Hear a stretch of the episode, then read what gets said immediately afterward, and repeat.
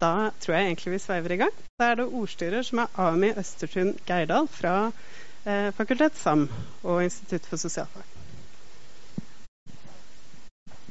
Takk skal du ha. Ami er altså jeg.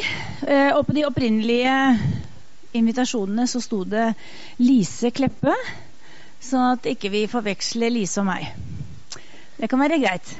Eh, velkommen til dere på dette seminaret. Flott å se så mange. Og veldig morsomt at det må utvides, syns jeg. Det er bra. Eh, dagen i dag eh, er, som, som det står på oversikten her, kunnskap. Og kunnskapsbasert praksis i Nav. Å følge oppskrifter eller å eksperimentere selv. Og det kan jo være en utfordring for noen og enhver. Eh, og det skal vi få et innblikk i ved at eh, ulike foredragsholdere skal snakke om eh, nåværende og tidligere forskning knyttet mot innovasjon i Nav. Det vil, som det har stått i programmet, være åpent etterpå for diskusjon, og vi håper vi får til en fruktbar og morsom diskusjon. Men aller først så er det tre som skal innlede, og så er det to som skal kommentere disse innleggene. Og Den første som skal ha et innlegg, det er Knut Fossestøl, som er forsker ved AFI og forskningsleder der. Eh, og Eh, Knut, eh, når vi går på listen over emner og fagområder som du er opptatt av, Knut, så står det velferdsstat, evaluering, prosessevaluering, styring og reform, nytt offentlig styringssystem, RCT, Nav-reform. Og I dag eh, så skal du snakke om Nav i en ny tid. Har Nav-kontorene fått et fantastisk mulighetsrom eller en umulig oppgave? Interessant. Og ordet er ditt. Tusen takk.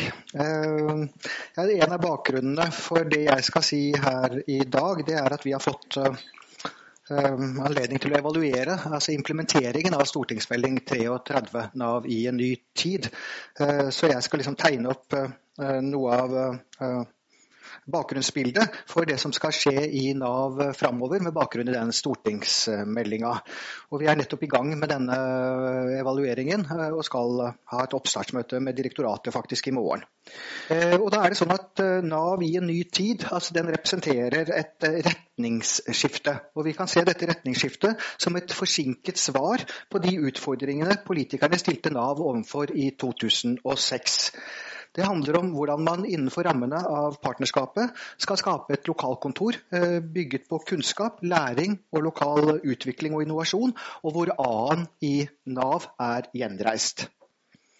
Og Styringsmessig og organisatorisk så handler reformen på den ene siden om å flytte makt nedover i organisasjonen. På den andre siden så handler det om å legge til rette for mer ledelse og mindre styring, som det heter, og tenke mer systematisk rundt kunnskap og kompetanse. Og Premisset for reformen er på mange måter at det finnes et uforløst potensial i Nav-kontoret. Uh, verdien i Navs tjenester skjer i møte mellom veileder, bruker og arbeidsgiver. Og for at denne verdien skal styrkes, så må lokalkontorene få økt handlingsrom. Byråkratiet har hindret Nav-kontorene i å utnytte dette handlingsrommet så langt. Men mer myndighet lokalt er ikke nok alene for at lokalkontorene skal kunne forløse sine potensialer. I tillegg må kontorene tilføres kompetanse. Det må utvikles en kunnskapsmessig infrastruktur rundt dem. Og lokalkontorene må være sitt ansvar bevisst. De må benytte dette handlingsrommet som de får. Eh, og denne reformen innebærer på mange måter en stor eh, forandring.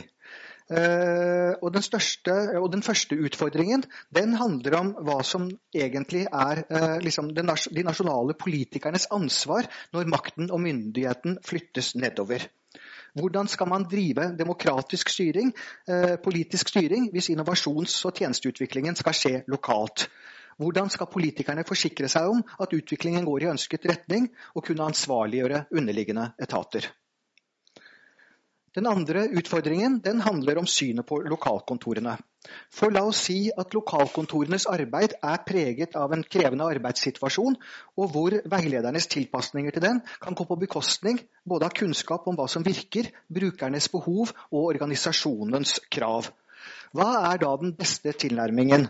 Handler det om å skape standardiserte, men ikke alltid så treffsikre løsninger, eller handler det om litt polemisk sagt, å gi dem ytterligere tillit og myndighet og satse på at de da gjør fornuftige valg.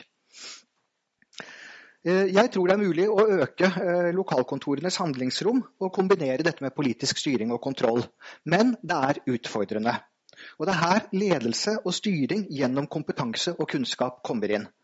Den kan erstatte direkte styring med indirekte styring og gi overordnede den nødvendige opplevelsen av kontroll.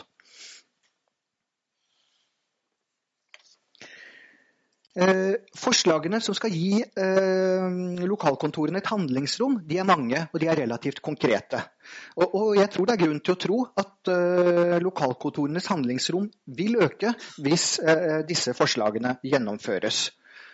Det handler eh, bl.a. om å endre lokalkontorenes rolle som bestillere i forhold til kjøp av tiltak, og til å i større grad produsere tiltakene selv. Dette vil gi veilederne bedre muligheter til å få innsikt og forståelse for brukernes ressurser, utfordringer og muligheter, og gi dem mer kontakt med arbeidslivet. Det handler om å forenkle tiltaksregelverket, slik at det blir mulig for veilederne å gi brukere de tiltak som er best tilpasset hennes situasjon, og til å tilpasse nivået på tiltakene, eh, de arbeidsrettede tiltakene i tråd med lokale behov. Det handler om å endre styringsdialogen fra en situasjon hvor resultatmålene betraktes som mål i seg selv, eh, og som lederne skal levere på, til en utviklingssamtale som skal stimulere til nye løsninger, og hvor det er lov å prøve og feile.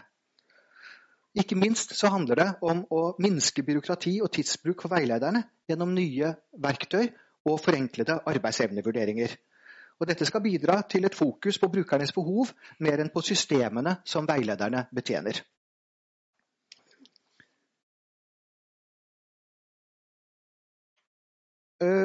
Forslagene til hvordan man kan erstatte den direkte styringen med kunnskapsbaserte virkemidler, er imidlertid mindre konkrete. Og de representerer løsninger eh, på lang heller enn på kort sikt. Det kan f.eks. være snakk om å endre grunnutdanningene og etablere programmer for etterutdanning. Spesielt å endre grunnutdanningene er jo tunge og lange prosesser. Man ønsker å etablere lærings- og innovasjonsstrukturer mellom regionale forskningsinstitusjoner og praksisfelt. Dette er også krevende og tar lang tid, og det er noe som Erik Breit skal snakke om i sitt eh, innlegg etterpå.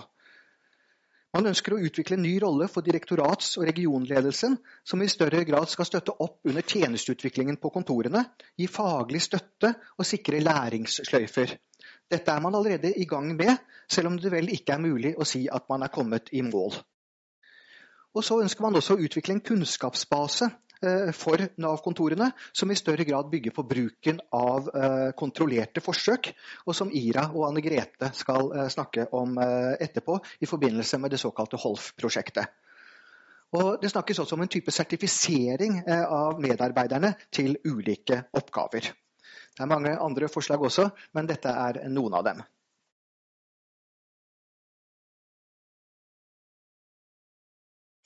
Og vi har vært inne på uh, allerede nå flere grunner til at styring gjennom ledelse og kunnskap er vanskelig. Og I tillegg så kommer det også at kunnskap ikke er et enkelt begrep. På den ene siden så har vi et praksisbasert kunnskapsbegrep som bygger på refleksjon over egne handlinger og møte med brukerne. På den andre siden så har vi et mer teoretisk og evidensbasert kunnskapsbegrep som bygger på et systematisk forskningsdesign. Og Begge Kunnskapsforståelsene finnes i Nav, og de finnes i Nav sitt omland. Og det er ikke alltid enighet om disse kunnskapsforståelsene er komplementære eller gjensidig utelukkende. Og så er det også sånn at Ulike kunnskapssyn har konsekvenser for organisering. En evidensbasert tilnærming krever spesielt opplært personale som jobber etter en manual- eller veiledningsbasert metodikk, og som det er viktig at følges, eh, siden det er måten man arbeider på som produserer de ønskede effektene. Og, og Hvis denne tenkningen får større gjennomslag, så vil det innebære en kraftig styring av det lokale innovasjons- og tjenesteutviklingsarbeidet som skal foregå på kontorene.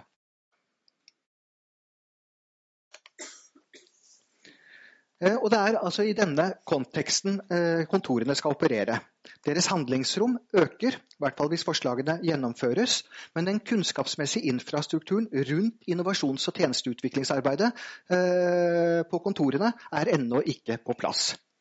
Samtidig er forventningene til at, at kontorene skal ta det ansvaret som de får gjennom dette utvidede handlingsrommet, betydelige. Eh, og, og, det er grunn da, til å tro at vi vil finne stor, altså at vi, ses, at vi vil se stor oppmerksomhet er oppfinnsomhet og stor variasjon mellom ulike regioner og ulike lokalkontorer i tiden framover når det er knyttet til å finne gode svar på dette. Og Det blir det spennende å følge.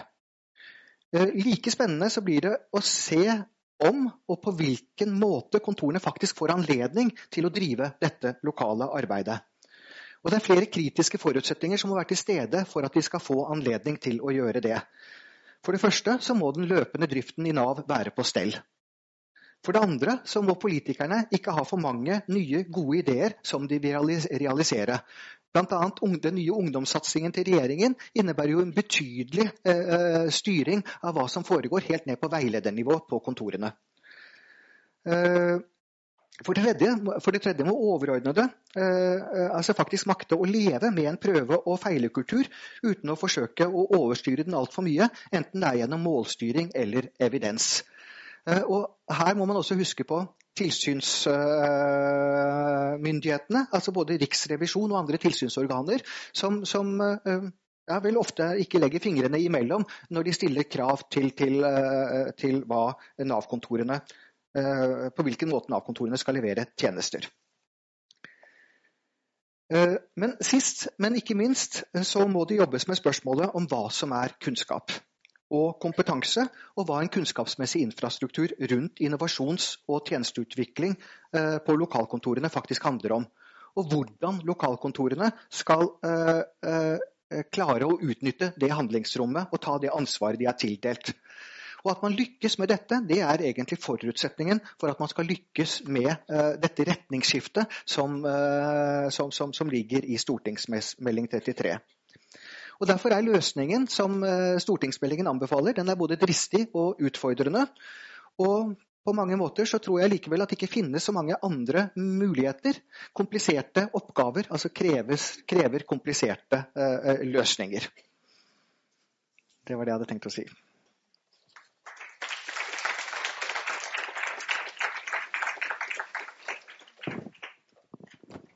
Takk, Knut. Så langt kompliserte oppgaver krever kompliserte løsninger. Eh, da skal vi invitere Ira Malmberg Heimonen og Anne Grete Tøge, som skal presentere helhetlig oppfølging av lavinntektsfamilier, HOLF, og som Knut også eh, refererte til, en klyngerandomisert evaluering av nye metoder. Og mens Ira er professor ved Institutt for sosialfag og har en omfattende ekspertise på randomiserte studier, RCT-studier, ehm, eh, og har ledet eh, flere slike studier, Eh, så har Anne Grete hatt fokus på helseeffekter av den økonomiske krisen og tilhørende arbeidsledighet som rammet Europa i 2008. Og eh, sett på hvordan kan, kan, eh, kan frafall i videregående skole reduseres. Og hvordan man kan unngå at fattigdom mellom generasjoner arves.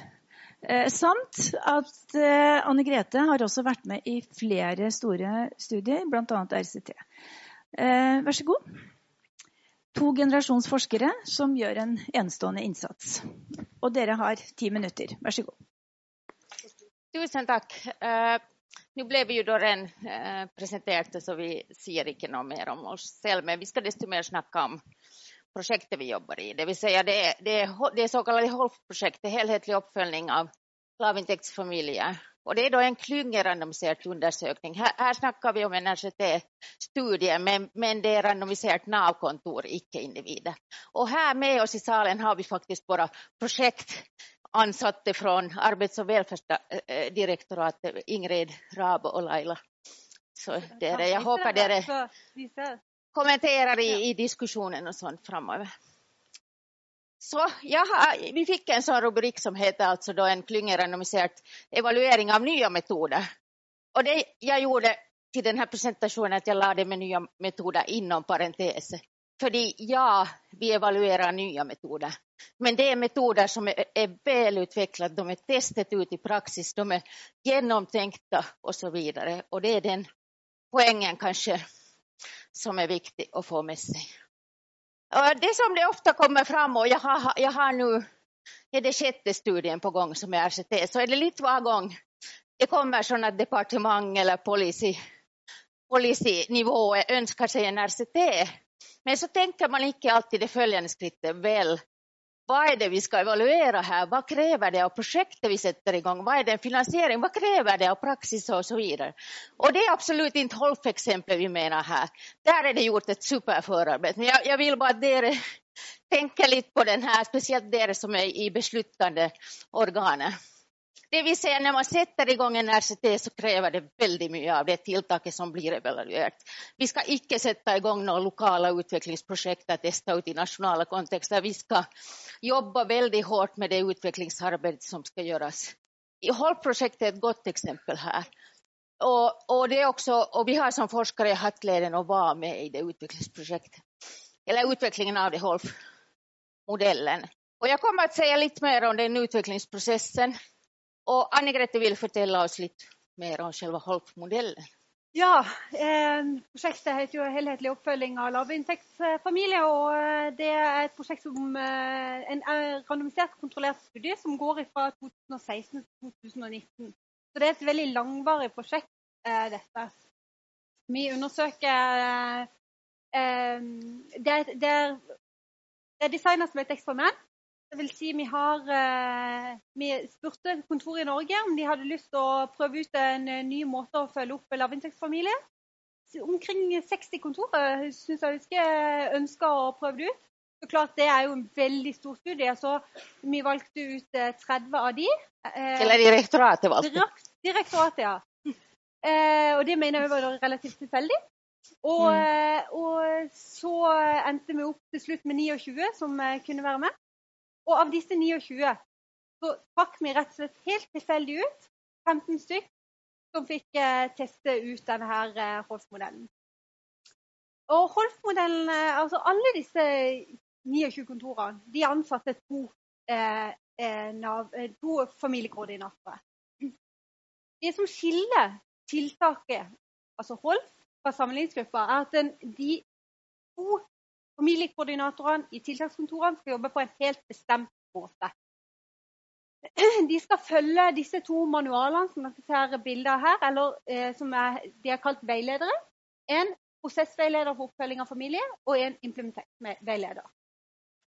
Eh, det er to veiledere, for dette er en intervensjon man kan si har to nivåer. Den har et familienivå og et systemnivå. Og Den grønne den retter seg da mot systemnivået, som handler om å få til gode prosesser for å koordinere tjenester. Og Det handler ikke om at den, disse familieveilederne skal ta over oppgaver til, eh, til eksterne eh, aktører.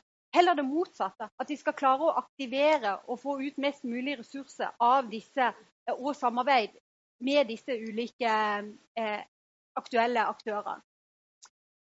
Så eh, På familienivå så handler, dette, handler, det om å jobbe helhetlig. Og helhetlig i dette prosjektet har to dimensjoner. Det har helhetlig i form av at det er en intervensjon som retter seg mot hele familien. Så Det er ikke kun den som går inn i døra på Nav og som trenger hjelp, men òg partneren og barna. Så det, det, man tenker mer helhetlig, selv om, problem, selv om, det uttrykte problemet kanskje er mangel på arbeid. Så kan det være mange eh, hindringer i i familien som, eh, som, som gjør det vanskelig. Et eksempel er eh, en frisør som har et eh, barn med atferdsproblemer. Hvis, hvis, hvis, de ringer fra skolen og, og brillene er, knekt, så kan du ikke la eh, den kunden bli sittende igjen i stolen og gå. Liksom, man må finne noen løsninger som fungerer for hele familien. Den andre dimensjonen av helhetlig handler om at de ser man jobber opp mot flere områder. Ikke bare arbeid, men òg økonomi bolig og barnas situasjon. Og Dette er et klyngerandomisert studie, og det er viktig å påpeke her. For dette er jo en slags fagutvikling. Og det hadde ikke vært mulig å randomisere eh, familie. Fordi at en, hvis, hvis eh, man har en fargeutvikling, så vil den gjelde på hele kontoret. Eh, man kan ikke skru av og på den måten man jobber på som en koordinator. Derfor så må man randomisere hele kontoret. Mm. Og selvfølgelig når det er universitet så vi er interessert i, ok, hva gjør sammenligningskontorene. Men i dette fallet har de også fått familiekoordinatorer. Forskjellen er da at tiltakskontorene implementerer direktoratet sin modell. Sammenligningskontorene de jobber som lokalt utvecklade tilltag. Så det är det vi målar på en måte, vi som målar effekterna av det. Så det är vår sammanläggning i själva undersökelsen. Nå, nu sa jag ju redan att det är omfattande utvecklings och uppföljningsarbete och här kan ju bara Laila och Ingrid sen följa upp senare. Men det, eh, själva utvecklingsgenomföringsfasen är delt i två faser. Den första fasen begynte allerede 2014, antagligen politiska diskussioner också för det. Eh, och det har då varit tre projektansatta på, på Arbets och välfärdsdirektoratet som har utvecklat HOLP-programmet allt sedan 2014 kan vi gott säga. Det är genomfört en litteraturgenomgång om helt helhetliga tilltag för familjer där man såg på, okej okay, vad, vet vi, vad vet forskningen, det är FAFO som har genomfört den, den finns på nätet. Vad vet forskningen, vad säger forskningen, vad har varit virksamt när man följer upp äh, i familjeinterventioner? Och det, det kom ju kanske inte så väldigt mycket ut av den litteraturgenomgången men den visste ju sån helhetlig uppföljning, det att man har en socialarbetare som gör jobben, den att, det att man blir tett fyllt upp. Det var lite sån generella ting som kom ut. Men de är nog tagna med trots allt med i projektet vidare och, och det har vi också byggt lite sån programteori kring i det projektet. Eh, men det som arbeids- og välfärdsdirektoratet sen gjorde var att de gick in i tidigare fattigdoms, och så, okej, okay, har man jobbat i Norge, helt sådana lokala projekt som har varit finansierat tidigare. De har ju då inte varit evaluert i de flesta fall och då fant man ut lite mer om hur man kunde bygga en sån modell för familjeuppföljning. Eh, det har också varit, det är också tagit in erfarenheter från andra forskningsprojekt som direktoratet har haft, bland annat HPMT-projektet, en del av de verktygen kommer faktiskt därifrån. Så det är väldigt känt åt oss som har jobbat i HPMT för. Så, och så definierade man då en ändlig modell. Och, och det som kanske är mest viktigt i det här utvecklingsarbetet är, är att direktoratet har tre pilotkontor, de är ju fortsatt med, där man testar ut elementer av, av modellen. Testar ut i praxis och så fick familjekoordinatorerna där ute i pilotkontoren säga okej okay, hur fungerade det? Så justerade man och det gick fram och tillbaka över en tid, säkert på ett år minst. Så det säger nog om det här utvecklingsarbetet som faktiskt görs för den typen av studier. För här visste man, okej okay, det ska vara en RCT, men så gjorde man allt det här utvecklingsimplementeringsarbetet. Fase 2 begynte hösten 2016.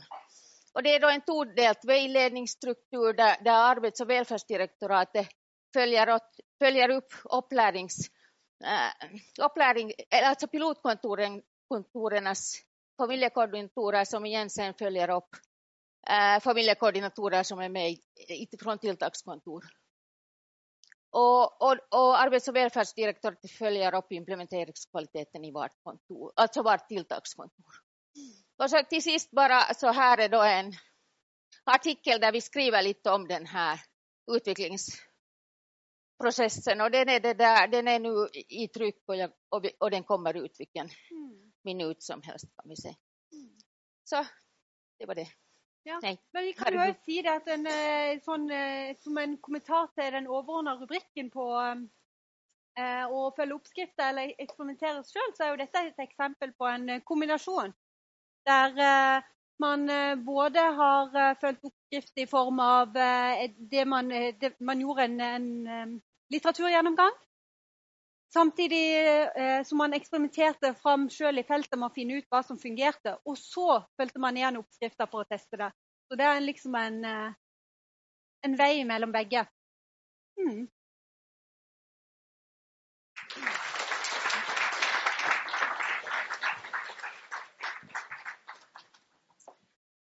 Takk til eh, begge. Når eh, publikasjoner gjøres unna på noen minutter, det liker vi. Vi tar gjerne oppskriften. Ja, det var en villet misforståelse. det, du sa det. Du sa det.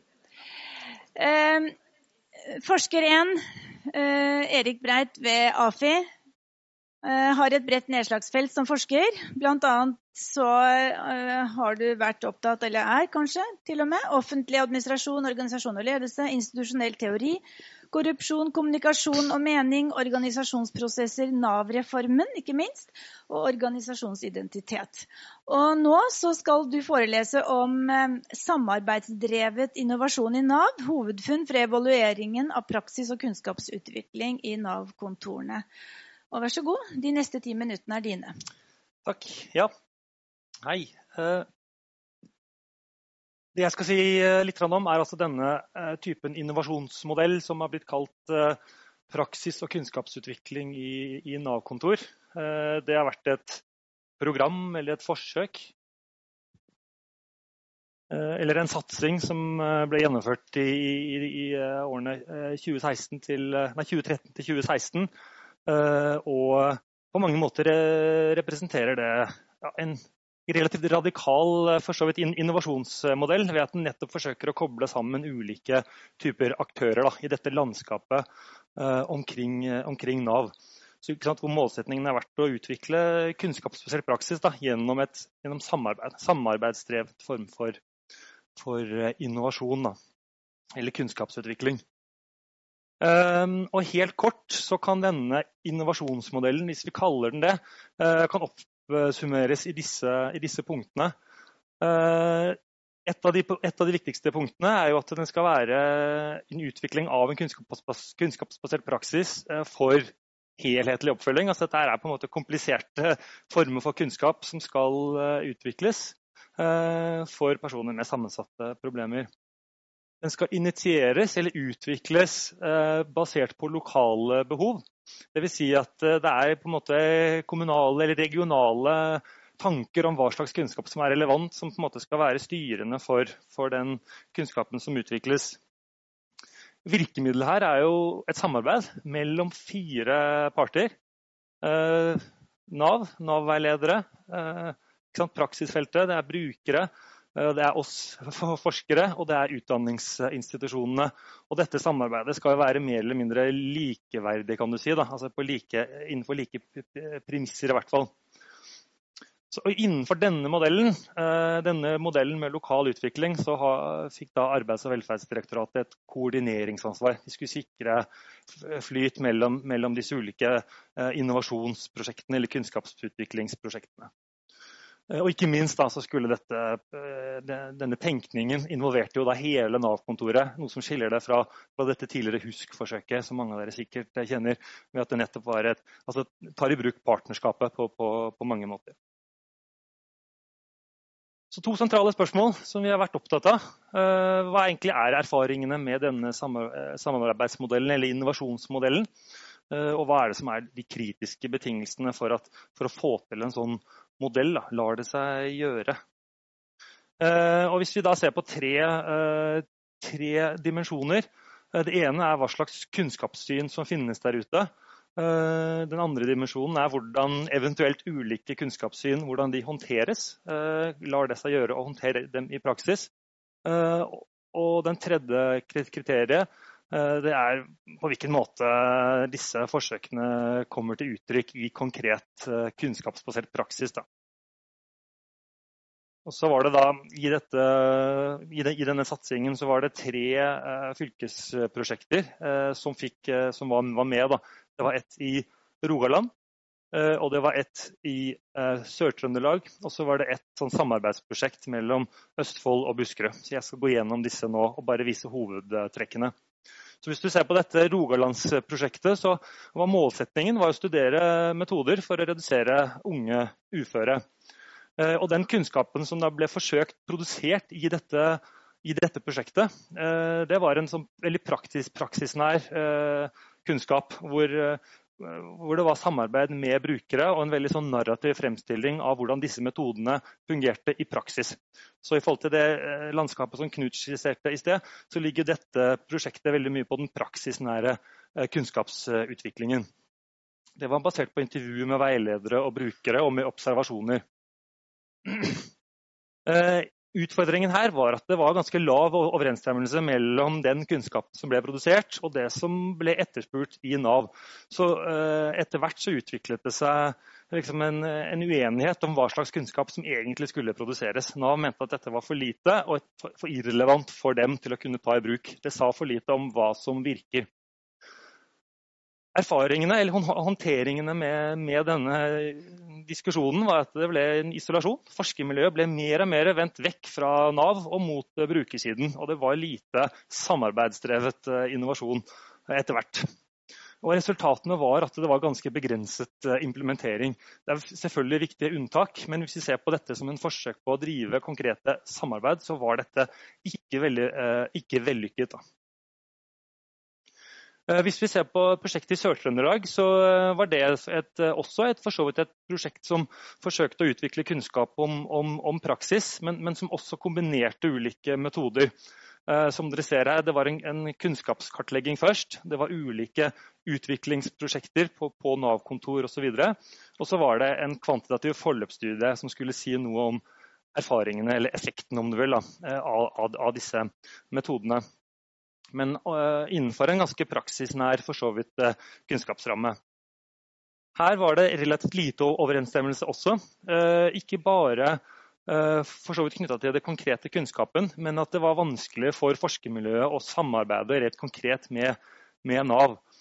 Så disse forskjellene ble håndtert ved, ved en, en fysisk eller en organisatorisk separasjon, der det etter hvert ble utviklet en en todelt lederrolle i prosjektet. En for praksis og en for forskning.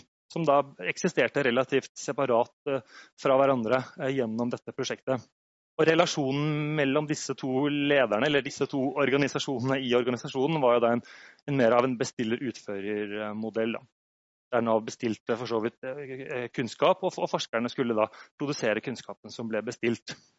Heller ikke her en sånn ordentlig samarbeidsdrevet innovasjon. I hvert fall sånn som var utgangspunktet i forventningene til, til dette her. Og det, no, det, har vært noe implementering, men, men, det er primært Nav selv som har tatt ansvaret for, det, for å måte, drifte og ordentlig få, få til denne, denne implementeringen. Så har vi det siste prosjektet. I, skal vi se, i Østfold og Buskerud, det som ble kalt uh, KLAR-prosjektet. Og Her uh, ser vi en helt annen type kunnskaps, et helt annet kunnskapsgrunnlag som lå til grunn. Her var det en RCT-studie av supported employment som ble gjennomført, og en prosjektorganisasjon som ble rigget uh, rundt det. Så dette var en kunnskap knyttet til effekt, eller knyttet til evidens, da, basert på et, et helt annet forskningsdesign. Ja, og i, i motsetning til, til, eh, de to andre, i hvert fall delvis Dette her er jo litt, litt idealtypisk for så vidt eh, satt opp, men uh, i motsetning til disse så var det en mye høyere grad av overensstemmelse mellom forskerne og Nav knyttet til hva slags kunnskap som skulle utvikles. Kunnskapen ble regnet for å være relevant nettopp for det kunnskapsbehovet som Nav hadde og Nav har. Man kan karakterisere denne formen for håndtering av, av for, en, for, en, lydhørhet. Altså det var en oppmerksomhet rundt hva slags kunnskapsbehov som var i Nav, og som er i Nav, knyttet til, knyttet til ja, supported employment for så vidt, men også til place train-tenkning og, og, og, andre former for, for skal vi si, andre forståelser av den aktive arbeidsmarkedspolitikken. Da kan man selvfølgelig eh, argumentere for at det har vært en, kanskje en manglende selvkritisk forskningstilnærming, men poenget er at det var en mye større grad av enighet da, om hva slags kunnskap som skulle utvikles.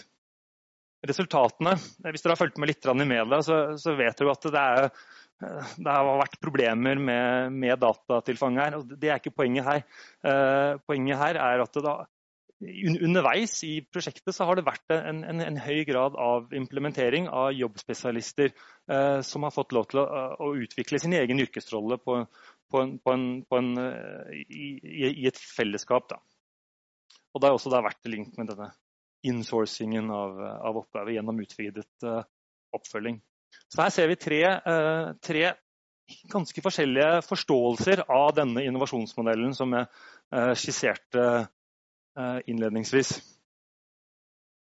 Uh, og Da er jo spørsmålet om sånne former for samarbeid er det, er det for godt til å være sant. Fordi altså, Argumentet er jo at er, Nav er nødt til å gjennomføre eller utvikle sin praksis gjennom samarbeid. Det, det, det går ikke an å gjøre det helt på egen hånd. Så Det er nødt til å være en form for samarbeidsdrevet tenkning i bunnen her. Eh, med ulike aktører, og ikke minst knyttet til lokale behov. Eh, men så er jo dette her, som vi ser, det er en skjør eh, innovasjonsmodell. Det er mange ting som kan gå feil. Det er ulike, ikke minst da, ulike syn på kunnskap, og den kunnskapen som skal utvikles, som er, som er sentralt. Da, som jeg har forsøkt å, å, få fram her. Og så kan man jo diskutere eh, om det er et kunnskapshierarki eh, i Nav eller i omgivelsene som vektlegger en type evidensbasert eller en, en, type kunnskap mer enn noe annet. Det skal ikke jeg si, men det er i hvert fall et, et, et spørsmål det går an å, å, reise. Og ikke minst så er det behov for nettopp da, en kritisk diskusjon av, av, disse ulike kunnskapsformene og hvilke implikasjoner de har for, for innovasjon og utvikling. Takk.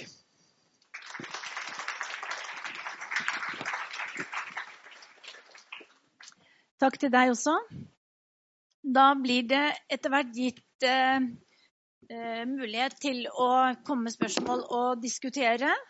Men før vi gjør det, så skal vi ha to kommentarer på det som har skjedd så langt. Den første er Yngvar Aasholt, som er kunnskapsdirektør i Nav.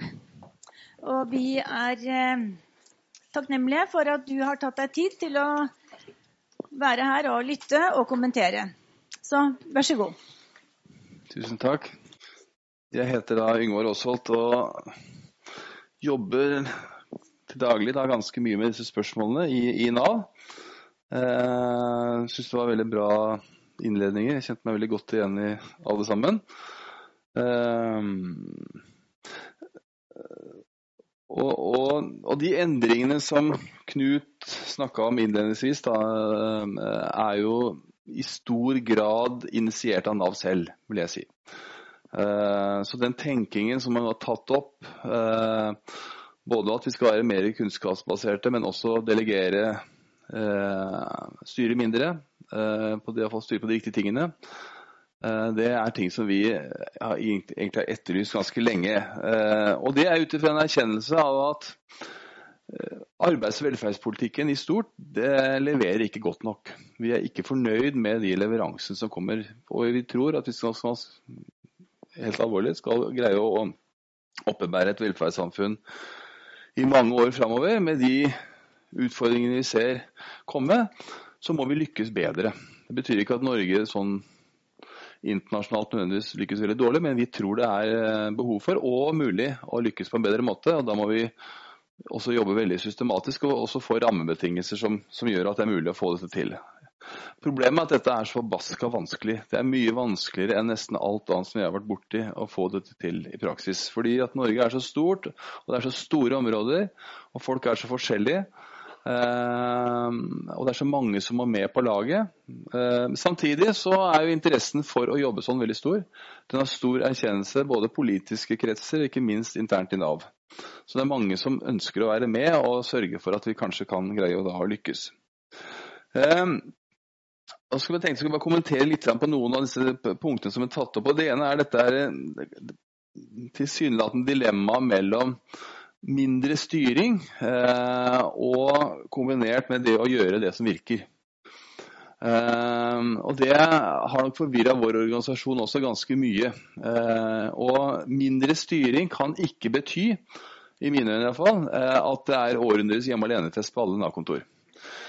Det er en veldig dårlig idé.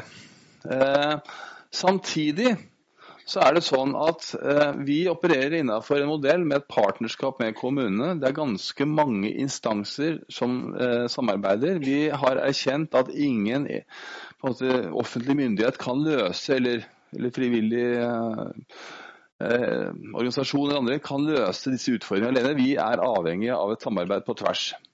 Og Skal vi få til det, og skal vi kunne møte de lokale utfordringene som er ganske varierende rundt omkring, så er det neppe veldig lurt å ha et veldig stringent målesystem fra Oslo som sier sånn og sånn skal de gjøre det. Det er iallfall oppskriften på ikke lykkes. Så det å gi mer myndighet ut, det mener jeg helt selvsagt at vi skal.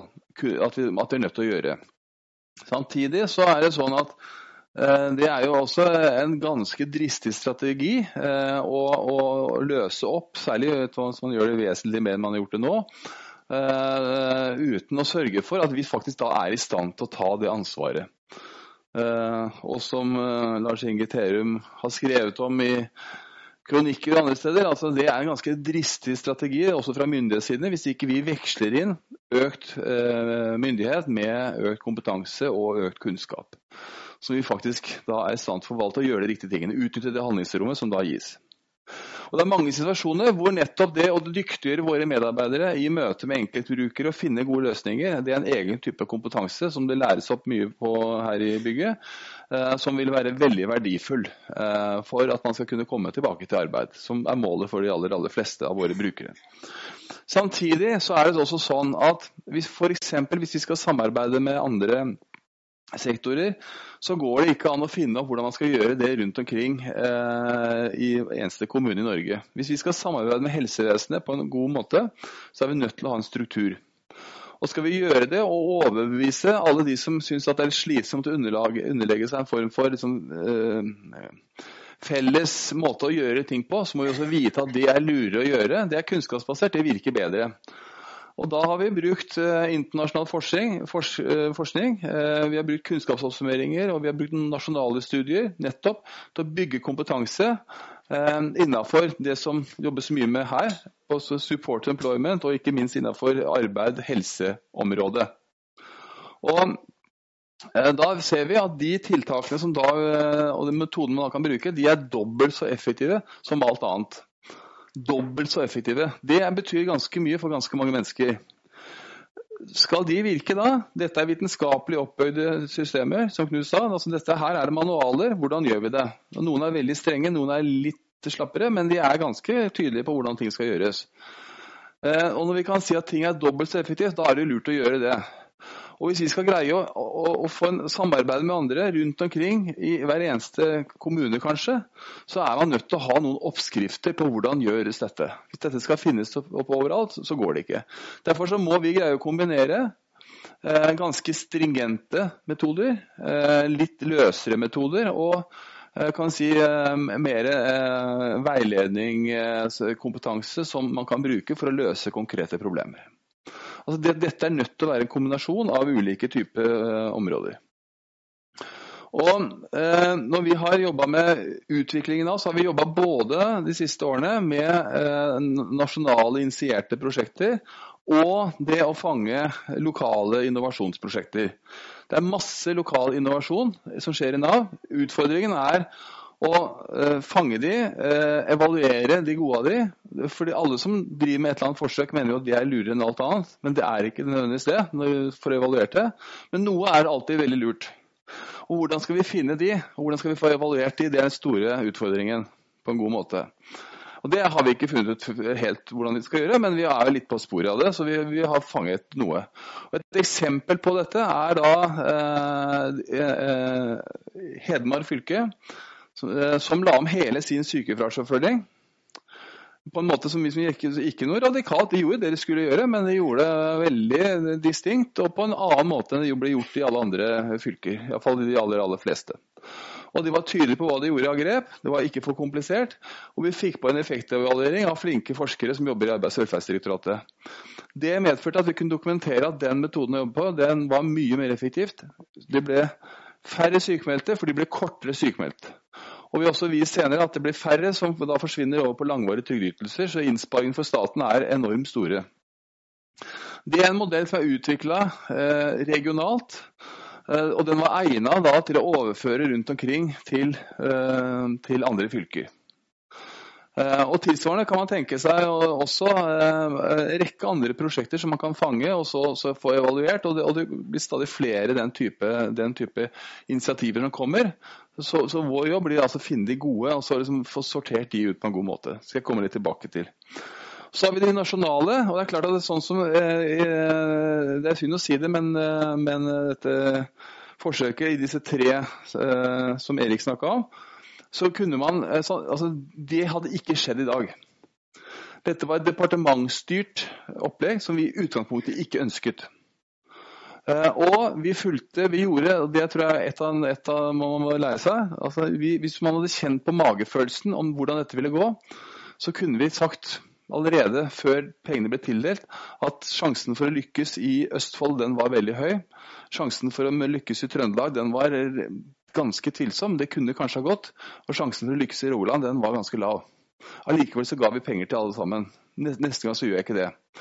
Uh, og, uh, og, jeg tror jo at noe av dette her skyldes at uh, Og det er jo det motsatte av det som er med Holf-prosjektet, hvor vi virkelig har gjort ting i boka. For at dette er så vanskelig. Her har vi slitt i mange år. Her sliter alle andre land. Dette skal vi gjøre til boka. Nå skal vi se om vi kan finne en metode som virkelig kan funke.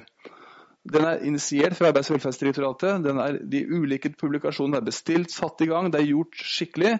Vi har de flinkeste folka på jobben rundt omkring i Oslo, og, og det er jobba systematisk. Vi har gode følgeforskere, og det tror jeg kan virke. Ja. Det var veldig fort, da. Eh, så, det, så, så, sånn er det mulig å jobbe, eh, og det ville vi ha gjort hvis vi skulle gjøre dette om igjen. Eh, eh, hvis vi skal jobbe sammen med, med, forskere med å sette opp forsøk, så er det ikke sånn at vi må teste bare det som vi tror virker.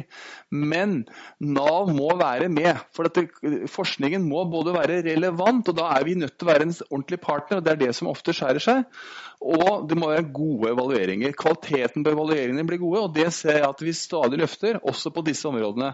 Og Her er det mye å hente, for her er det mye dårlige evalueringer som er gjort over tid.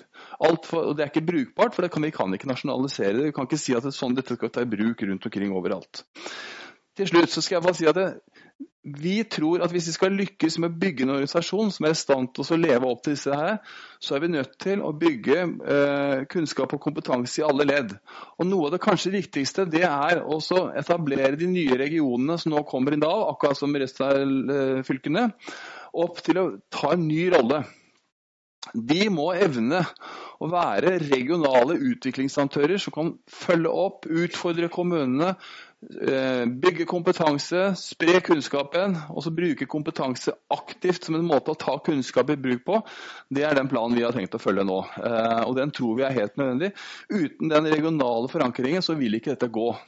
Det vi for langt ut i hvert eneste Nav-kontor. Det er fremdeles langt over 400. Det er ikke mulig å nå ut. Men hvis vi kan få gode regionale enheter, som også kan da eh, hjelpe kommunene til å se hva innenfor vårt handlingsrom er det vi særlig må jobbe med. For her er store forskjeller mellom kommunene. Og så innrette innsatsen der og ta den kunnskapen som finnes i bruk, så er dette fullt mulig å få bygd opp en organisasjon. Det å bygge en sånn lærende organisasjon er det vi sitter og barner med nå. Hvordan skal vi gjøre det? Det kommer ikke til å bli enkelt, men vi er veldig dedikerte på at dette skal vi få til. Vi skal bygge stein på stein. Vi skal være grundige, og vi skal bruke den forskningen som finnes, og de erfaringene som finnes, på veien for å trekke på de erfaringene som, som mange har. Så unngå å gjøre ting feil, gjøre ting riktig.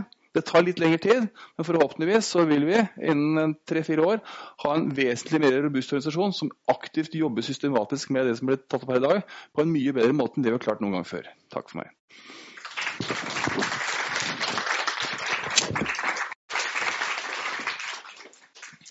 Takk. Den andre som skal kommentere, det er Jorunn Vindegg, som er eh, studieleder på bachelorstudie i sosialt arbeid ved Institutt for sosialfag. Vær så god, Jorunn. Ja, takk. Um, vi har fått presentert to prosjekter her uh, i dag uh, som har sett på hvordan man kan få til uh, kunnskapsbasert praksis og innovasjon i Nav. Og jeg har sett litt på disse på forhånd, da. Eh, og da jeg, eh, det forundrer jo ikke meg at det PKU-prosjektet som Erik presenterte her, og som du var inne på nå, det, et, det er et komplisert og sammensatt prosjekt. Sånn at eh, med et, hva, det, hva det står i evalueringsrapporten, et fragmentert utviklingsprosjekt med mange målsettinger, metoder og aktører. Og det er jo krevende å måle effekter av et sånt prosjekt. Eh, så eh, dere sier at eh, Og det var samarbeid også mellom forskning, utdanning, tjenester og brukere. Og man må jo konstatere at det er jo ikke alle forskningsprosjekt, iallfall ikke all forskning, som fører umiddelbart til utvikling av ny kunnskap som kan tas i bruk i praksisfelt. Og det viser vel noe av dette prosjektet. Eh, og så understreker du jo at det er nødvendig å avklare hva som menes med virksomme og eh, prosesser eller effekter.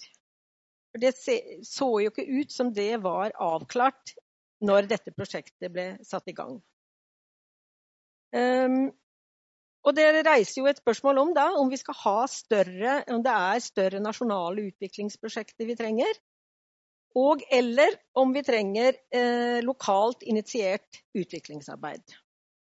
Hvis jeg forsto Yngve Slettholm Er det Yngve Riktig, så eh, sier du vi trenger begge deler. Men da blir det vel viktig å avklare hva, skal, hva, har, eh, hva slags mål man har for de ulike prosjektene. Eh, så har jeg eh, jo også fulgt og sett på dette HOLF-prosjektet, som jo det forskes på på instituttet hos oss, og som jo er et RCT-studie hvor det er mye lettere å måle effekter. Helhetlig oppfølging av lavinntektsfamilier er jo rett inn i noe av det vi mangler kunnskap om, og som vi trenger i Nav. Er, her er det altså intervisjoner, som de sa, på både eh, familie- og systemnivå. Eh, man ser på koordinering av tjenester, og det er en helhetlig oppfølging av hele familien. Ser på arbeid, bolig, inntekt og ikke minst situasjonen for barna. Som vi jo har mangla, som mange har etterspurt, knytta opp til Nav som tjenesteområde. Det er jo sånn at Suksessfaktorene for i evidensbasert kunnskap eller evidensbasert praksis, det som også gjerne da heter kunnskapsbasert praksis, det handler jo om Hvis man skal måle det, så må man ha en tydelig målgruppe. Og må man ha eh, eller tydelige inklusjonskriterier. Altså hvem er det som deltar i dette prosjektet? Hvem er det man skal eh, tilby tjenesten til? Og så må man ha tydelige og målbare intervensjoner. Ehm, jeg har sjøl sett litt på hvordan evidensbasert kunnskap har utvikla seg innenfor sosialt arbeid. Og det starta faktisk på 30-40-tallet i USA. Og der hadde man design som gjorde at altså målgruppa var veldig vid, intensjonene var vide. Slik at av og til så kom kontrollgruppa mye bedre ut enn eksperimentgruppa. Det understreker noe om hvor at man kan faktisk få fram veldig god kunnskap hvis man tydeliggjør hva som er målgruppa, hva som er intervensjonene. Og det oppfatter jeg ligger i dette Holst-prosjektet. Så det blir jo veldig spennende hva dere kommer ut med til slutt i dette prosjektet. Og vi er jo så heldige å ha i hvert fall to av våre medarbeidere på bachelor i sosialt arbeid med i dette prosjektet. Og det er også en spennende samarbeid. At, at man at vi som jobber i utdanningen, også deltar i forskningen.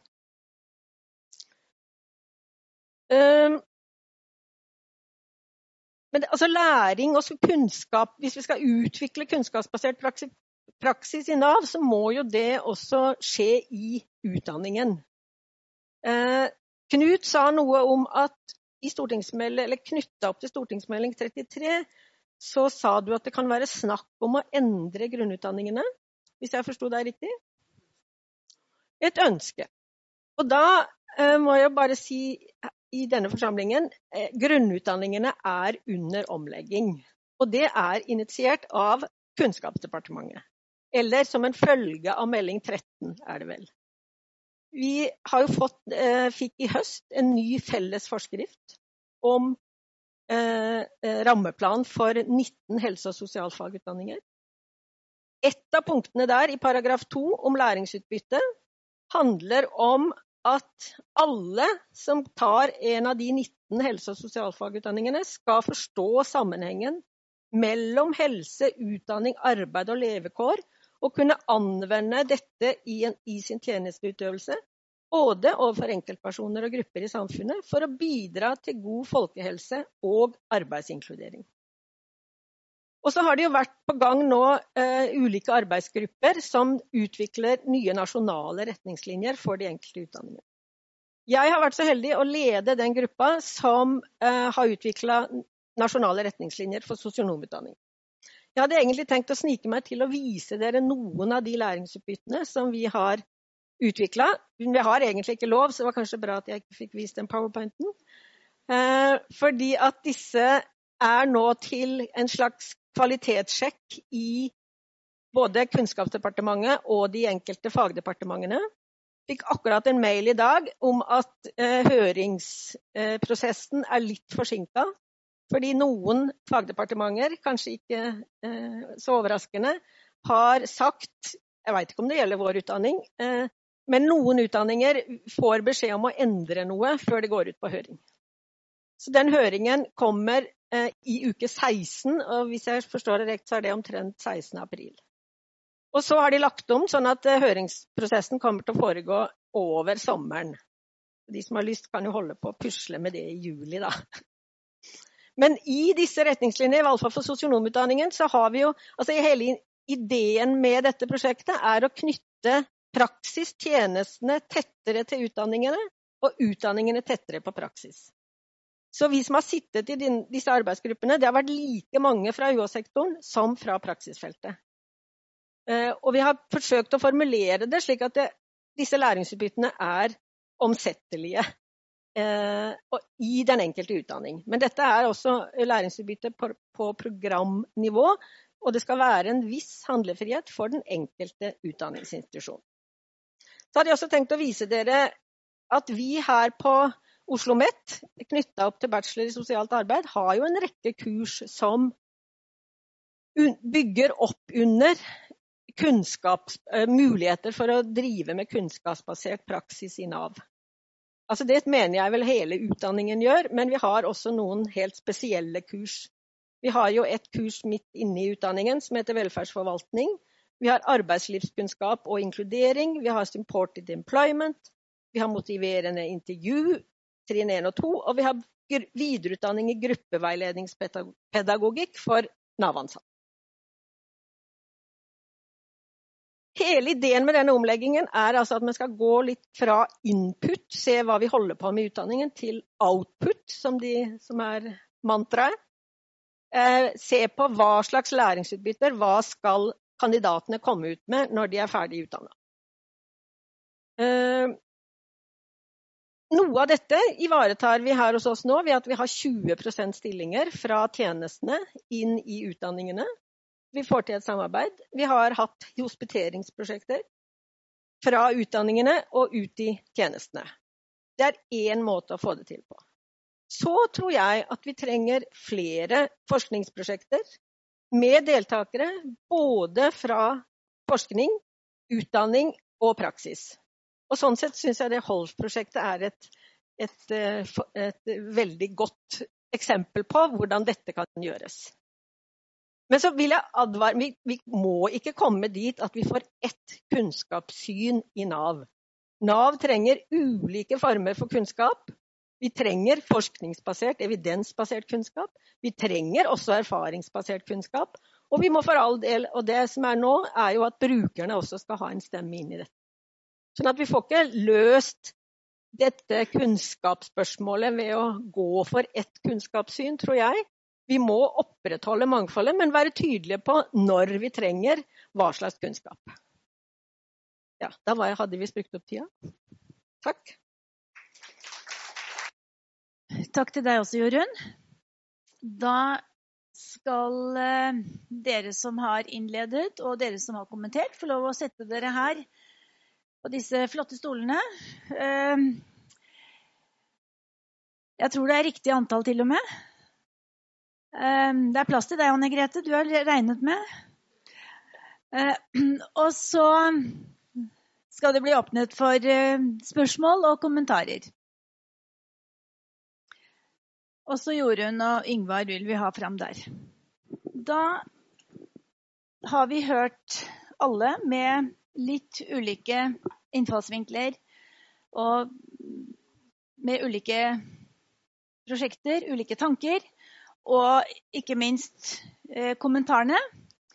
Så da eh, åpner vi opp for spørsmål, kommentarer. Jeg håper det er mange. Vær så god. Det kommer eh, noen løpende rundt med mikrofoner, så alle hører alle. Ja, hallo. Jeg heter Henning Heierdal. Jeg er 32 år. Ehm, jeg er på min andre praksisplass nå, gjennom Nav. Jeg fikk beskjed i dag at ehm, jeg ikke kan fortsette lenger i praksis, men at Nav har en eh, fast jobb til meg. Men det er en, den praksisplassen jeg har vært på nå, den kunne jeg godt tenkt meg å fortsette med. Så jeg lurer på hvorfor det er sånn at man kun får lov til å ha én praksisperiode ett sted, og så er det over. Er det noen som kan eh, kommentere det? Uh, det er en stund siden jeg jobba med regelverket for tiltakene. Men, uh, og jeg tror ikke at det er noen juridisk grense på hvor, hvor, om man kan ha flere praksisplasser. Men det som har vært et av ankepunktene mot bruk av praksisplasser, som nok, eh, og, og med, med, med, god grunn, har vært at det har vært en del gjengangere som dermed har skaffa seg eh, billig arbeidskraft. Eh, og Det har vært mye kritikk imot det. Og, og, og, det å sørge for at de som tilbyr praksisplass hos Nav, som, eh, som de fleste er skikkelige arbeidsgivere, Eh, men at man har skjalt ut de som da misbruker ordningen, som da som misbruker både, både fortrenger andre arbeidsplasser og uh, skaffer seg konkurransefortrinn og utnytter uh, tiltaksdeltakere. Så Det er nok begrunnelsen for det. Uh, og Sånne reguleringer er alltid kjempevanskelig, for de blir alltid litt firkanta. og da går det utover folk som, hvor det kanskje hadde vært veldig hensiktsmessig å gjøre det likevel. Mm. Så gjenganger i denne sammenheng, det er arbeidsgivere. Eh, Lars Inge, og så var det her. Ja, eh, Først vil jeg takke for eh, flott initiativ med, med dette seminaret og gode innlegg. Eh, jeg tror eh, denne diskusjonen om kunnskapssyn Kan du holde den litt nærmere? Ja, denne, denne diskusjonen om kunnskapssyn i Nav er kjempeviktig. Og den er viktig både for at vi skal kunne kommunisere mellom denne type institusjoner som vi er, og ut i praksisfeltet. Men også uh, hvordan vi skal kommunisere for å, for å få til endringer i, i, i praksisfeltet. Uh, vi tenker veldig i sånn profesjonsstyringstermer inne på høyskolen. Det er det, er, det er det vi er best på.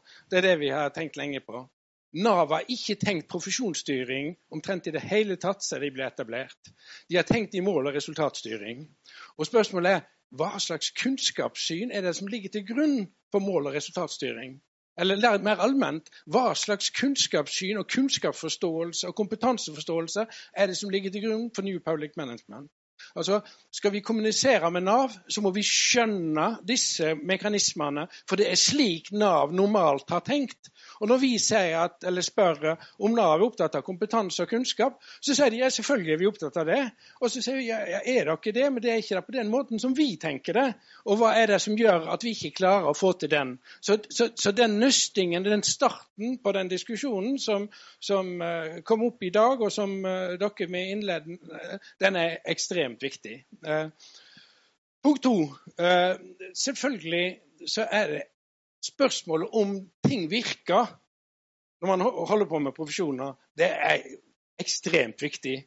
Man kan ikke ignorere det spørsmålet om det man gjør, har en effekt eller ikke. Men i vår virksomhet, altså i høyskolesystemet og i profesjonsutdanningene, så har ikke det vært en sentral spørsmål. Vi har vært mye opptatt av de problemene som det spørsmålet reiser. For utøvelsen. Uh, og vi har vært veldig opptatt av at uh, denne effektspørsmålet det løses ved at de har en bestemt type kunnskap, og, de, og, ikke minst de har en bestemt type verdier. Og fordi de er bærere av bestemte verdier, og en bestemt type, så handler de riktig, og vi antar at de virker. Men det har ikke vært undersøkt. Så den diskusjonen om effekter er viktig. Men da må man nettopp ha inn begge momentene i det. Fordi det er en veldig komplisert spørsmål om når ting virker og når de ikke virker. Ta bare terapiforskningen og se på den. Da får du en lære, læresetning om hva som er effekt av metode, og hva som er effekt av, av interaksjon, og hva som er effekt av utøver. Så, så, så det, det, å klare å føre den diskusjonen på en nyansert måte er viktig. Det jeg er mest redd for, og som Erik tok opp, som jeg gjerne vil spørre om, Altså, Hvis jeg oppfatter deg rett, så var det når man snakket om effekter at man kommuniserte best inn mot Nav. Uh, og når jeg er ute og foreleser for Nav-ledere, sånn, så, er de opptatt av hva skal vi gjøre. Altså litt For å si det litt sånn tendensiøst i forhold til Vi er litt opp, på jakt etter oppskrifter. Uh, det var et oppslag i, i, i Velferd i går uh, om at nå han har fått 200 millioner til å, til å dette handlingsrommet. Og de skal vi bruke på en bestemt metode. 160 millioner skal vi bruke på det, og så noe annet. Eh, man blir veldig metodeorientert. Og det er fint, men det kan også være ekstremt problematisk hvis du har en organisasjon som ikke skjønner begrensningene eller utfordringene eller de lokale kontekstuelle vilkårene for at metoder skal virke. Sånn at, sånn at, her ligger det nettopp en, en, en, en, ekstrem utfordring i å balansere at man både holder fana høyt, at selvfølgelig skal vi være opptatt av ting som virker, men vi må også ha et kritisk blikk på hva slags forutsetninger så kan man stille til de som skal administrere alle disse eventuelle eh, oppskriftene eller metodene, eller, og hvordan støter de imot på et eller annet måte de vurderingene som disse utøverne eh, må gjøre. Og, og her tror jeg vi, vi altså, her har vi ingenting i skyttergraven å gjøre. Her må vi opp på banen og tørre å prøve argumentene våre. Her tror jeg det er ingen som har sett lyset fullt og helt. Ja. Erik, vil du kommentere? Ja, jeg kan kommentere eh, kort. Nei, nei, du, du, du forsto det riktig. Eh, jeg tolker også den eh, noen av disse forskjellene mellom prosjektene, som at denne tenkningen rundt evidens eller RCT som en metode skapte tillit og en legitimitet allerede i utgangspunktet. Eh, og så er det jo alltid selvfølgelig en, en diskusjon, uh, som også Yngvar var inne på, liksom om kvaliteten på på eh, den forskningen som gjøres. Men for meg, eh, eller for oss i evalueringen av dette her, så har det vært veldig vanskelig å, å, å klare å lage noen tydelige skillelinjer mellom hva som har vært uenigheter knyttet til metoden som har blitt brukt, og uenigheter som har vært knyttet til kvaliteten på metoden som har blitt brukt. Og disse diskusjonene har, har egentlig flytt veldig over i hverandre. Så helt kort fortalt, så selv om Rogaland på en måte var et prosjekt som kom skjevt ut fra starten, så, og, og kanskje også med rette for at, at ikke det var en ordentlig kvalitet på det.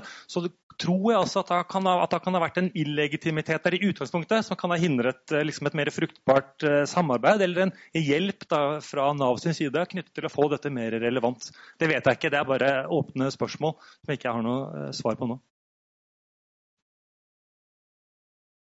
Nei, jeg tenker på denne diskusjonen rundt kunnskapssyn. for jeg tror den Altså, den finnes jo egentlig fra topp til bunn. Altså, den finnes i hele systemet.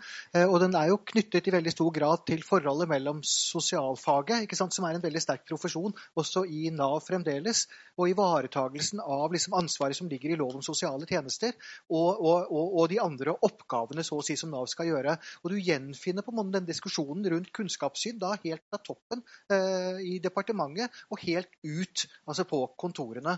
Og Det som er synes jeg, veldig spennende, det er jo at disse diskusjonene nå, som tidligere har vært ført i akademiske institusjoner, på høyskoler og alle sånne ting, de flyttes ut i praksisfolket. Så de sitter og snakker om altså, vitenskapsteori og om metoder og om effekter liksom ute i praksis. Og det er jo en eh, ganske interessant eh, utvikling. Mm. Ira vil også kommentere litt her. OK, og, og på en måte det begynte min vad heter presentationen var akkurat lite den poängen att RCT den passar för specifika projekt där den ställer väldigt mycket krav till tilltag eller interventioner som blir testet ut. Det är absolut ingenting som alla forskningsprojekt ska driva på med, utan det är spörsmålet vi ställer i forskningen som ska svara på vilken mm. metod vi brukar. Mm. Viktig påpekning. Uh, Ingvar? Eh, bare si at Når det gjelder eh, disse her PKU-forsøkene, så, så, var ikke problemet at man var mer opptatt av eh, resultater i ett og ikke i resten. Det, det, var, det, det, var, nok et symptom på noe helt annet. Det, er en lang historie. Eh, eh, altså, det, er jo ingen, veldig liten fare for at Nav skulle bli styrt av eh, evidensstudier eh, fullt og helt. Eh, så den tror jeg kan bare legge Den trenger folk å bekymre seg særlig mye over. Eh, av veldig mange grunner. Eh, eh, og det er også sånn at på, Norge er et såpass lite land at vi, faktisk, vi må begrense antall store studier, for ellers forurenser de hverandre. Så vi kan bare ha et par, i noen få store gående hele tiden. Det i seg selv gjør at vi er nødt til å skaffe kunnskap på helt andre måter.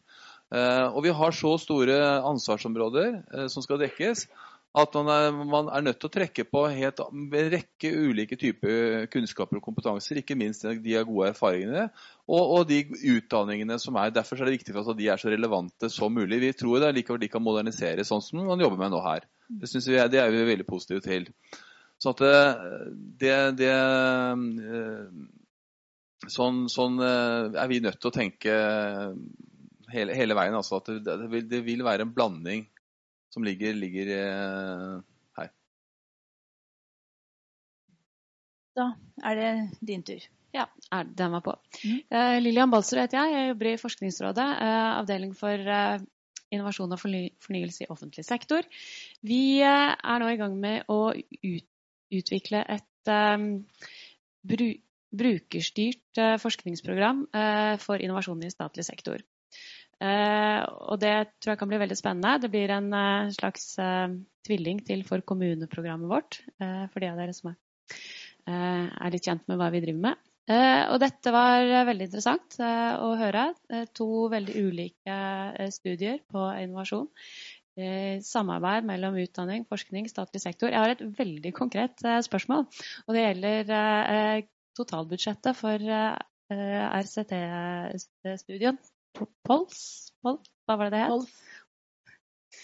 Eh, så det er vel Ja. Eh, for det er altså eh, forskningen, forsøkene og også en rekke stillinger. Ok, jeg tenker at NAFO, eller Ingrid Raab som er prosjektleder kan svare videre på det, men, men poenget er at her sluses jo inn barnefattigdomsmidlene ut ut i Nav-kontoren som ellers också har blivit brukt, men ingen har evaluerat dem, ingen har följt dem upp. Men nu, nu de in i projektet och genom det får vi en utveckling av praxis, hoppas vi. Men Ingrid, om du specificerar vidare. Eh, Ingrid Rabe, prosjektleder for HOLF, som eh, ble nevnt her. Forskningen koster i størrelsesorden 20 millioner over en fireårsperiode, med opsjon på ett år til i kontrakten hvis det skulle være behov for det. Eh, midlene til å ansette familiekoordinatorer ute ligger i størrelsesorden 26 millioner, mellom 26 og 30 i året. Ja. Per år. Per år. Mm. Da er det første er borte, og så er det deg der oppe etterpå. Hei. Var det riktig?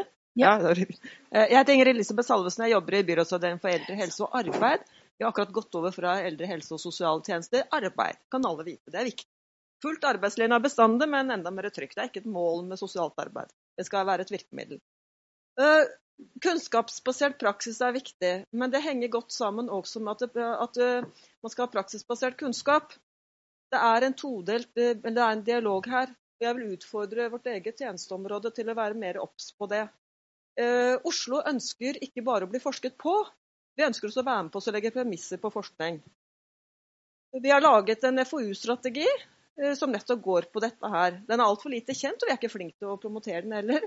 Men jeg har lyst til å si at eh, vi i samarbeid med Oslo OsloMet opplever jeg at, at eh, dere er veldig eh, framoverlent ønsker at alt arbeidet, utdanning, forskning skal være samfunnsrelevant. Det er helt strålende. Det har skjedd enormt mye flott de siste årene. Så har jeg et spørsmål, og det er at eller en kommentar, da. fordi Når det gjelder Nav, det er en veldig komplisert eh, form. Ja. Eh, er, jeg kaller det bestandig for en hybrid. Og jeg, litt, jeg, er litt sånn bekymret når man snakker om at man i partnerskapet forholder seg mellom direktoratet, altså etaten, og fylkesmannen. For fylkesmannen er det lokale statlige leddet, og ikke kommunen. Uh, jeg vet at kommunene er mange og kompliserte, men det gjør det ikke noe lettere allikevel plutselig å omdefinere virkeligheten. Vi har tett samarbeid med både SAM-fakultetet og med Helsefakultetet. Vi sitter akkurat i går og hadde et møte, for vi skal lage en konferanse til høsten om dette. Om FoU-arbeid, om samarbeid. Der er det en som representerer Akershus kommune, f.eks. Altså, det er mange måter å gjøre ting på. Uh, men, jeg ber om at vi gjør, er liksom tydeligere på dette. fordi noen ganger så noen ganger er jeg i setting hvor jeg hele tiden minner om en herlighet. altså Her har vi et partnerskap. Jeg kan ikke snakke for kommunen. altså Vi må ha med staten. ikke sant? Og tilsvarende må staten alltid tenke at ja, men hvor blir kommunene av? Vet de nok om dette her? La oss hjelpe hverandre, og ikke hele tiden tenke én og én, men vi gjør dette sammen. Vi er ikke gode nok der. Ja. Noen av dere som har noen eh, tanker, kommentarer? Jeg, var, jeg, var, det noe jeg sa? Hm? Ja vel. Ja, ja vel. Ja. Altså, partnerskapet Jeg har ikke ment at det, jeg vet jo veldig godt at partnerskapet eh, i Nav det er mellom stat og kommune. Og det er det jeg snakket om. Eh, eh, så mener jeg at eh, vi har partnerskapsmøter med store og små kommuner. Ikke alle har eh, så store ressurser som Oslo og så kan si koll på egne utfordringer. Det at eh, man fra Navs side framfor å drive med detaljstyring har med seg en del hovedutfordringer som, eh, og, og, muligheter som en kommune har. I en diskusjon hvor, hva er utfordringen i denne kommunen, og hvordan skal vi gå løs på det i fellesskap. Jeg tror vi kan løfte partnerskapet og gjøre det mer interessant eh, for begge parter. Så har vi også en regional rolle, eh, eh både som samarbeidspartner med Fylkesmannen, ikke minst inn mot kommunale tjenester, som da de er sant, når, når og, og jobber ute mot kommunene. Og Der er vi nødt til å ha kompetansetiltak. Type, der må vi koordinere oss på en god måte, og det kan sikkert gjøres mye bedre enn det gjøres i dag. Uh, og ikke minst hvis man får uh, hvis, det, hvis det siste stortingsmelding på regionalisering følges opp, hvor fylkeskommunene får et større ansvar på bekostning av staten, så er det behov for oss og ønsker at, det, at det da regionene blir Eh, utviklingsaktører, så er det lurt for Nav også å ha et godt samarbeid også på regionnivå. Men hovedsamarbeidspartneren vår det er og vil bli selvfølgelig eh, den enkelte kommune. Det gjorde hun og Knut, eller motsatt? Eh, nei, Jeg hadde bare lyst til å følge litt opp det som Inger Elisabeth sa i stad. Det samarbeidet vi har hatt med Nav Oslo Nei, hva heter det nå igjen? Nav Oslo? Nei, bydelene i Oslo noen bydeler i Oslo. Eh, Nav-kontorer. Eh, og det er jo der vi har disse 20% stillingene fra. Eh, og hvor Inger Elisabeth har vært en, også en pådriver. Men det som, det som, var interessant her nå for bare noen uker siden, var at så kom Nav Akershus på banen og sa vi hører at dere samarbeider med kontoret i Oslo. Vi vil også samarbeide med dere. Så de kom til oss på et møte Eh, fra flere Akershus-kommuner og fortalte hva de var opptatt av, og hva slags samarbeid de hadde lyst til å få til. Og Da sa jo de bl.a. For det første så snakka de om denne sertifiseringen som jeg ble veldig nysgjerrig på, som du Knut var inne på. Man skal drive med ute i Nav-kontorene. Eh, men for det andre så sa de at vi er i ferd med å legge om fra, eh, fra litt sånn oppskriftstenkning til skjønnsbaserte vurderinger og eh, Altså fra det ene til det andre. Det er eh, Jeg tenker at profesjonelt arbeid handler om å jobbe systematisk. Og inn der så er det en slump med skjønnsbasering. Uansett hvilke metoder du tar i bruk, da, for å si det veldig kort. Uh, ja. Knut? Jeg tenkte bare på dette partnerskapet med kommunene, og det fikk ikke jeg snakket noe om i min presentasjon nå. Men jeg må jo si at eh, der, det er jo skjedd betydelige endringer altså, eh, i samarbeidet mellom kommunene og eh, staten på ulike nivåer knyttet til partnerskapet siden 2014-2015. Og hele denne evalueringen som vi er i gang med nå, KS har vært inne liksom, i bestillingen eller i utformingen av det tilbudsbrevet. Og det kjøres et tilsvarende prosjekt i KS, også, som også er et utviklingsprosjekt i Agder-fylkene til liksom hvordan disse lokalkontorene skal utnytte dette handlingsrommet. Eh, og som er da på en måte et sånt aksjonsforskningsprosjekt, men som da eh, ASD, altså departementet, eh, er medfinansiør av. Så det, er liksom, det skjer veldig mye på dette feltet. Og jeg må si at et premiss for hele denne, liksom, dette retningsskiftet som de kaller det i departementet, da, som stortingsmelding 33 innebærer, handler jo om en vitalisering av partnerskapet. Og på mange måter gjøre den statlige delen av kontorene likere enn den kommunale, for å skape bedre betingelser, da, også for samarbeid på kontornivå. Og jeg synes Det er jo veldig, veldig, store endringer som skjer, og veldig interessant. Og blir veldig interessant å se som, hvordan dette følges opp i praksis. Da.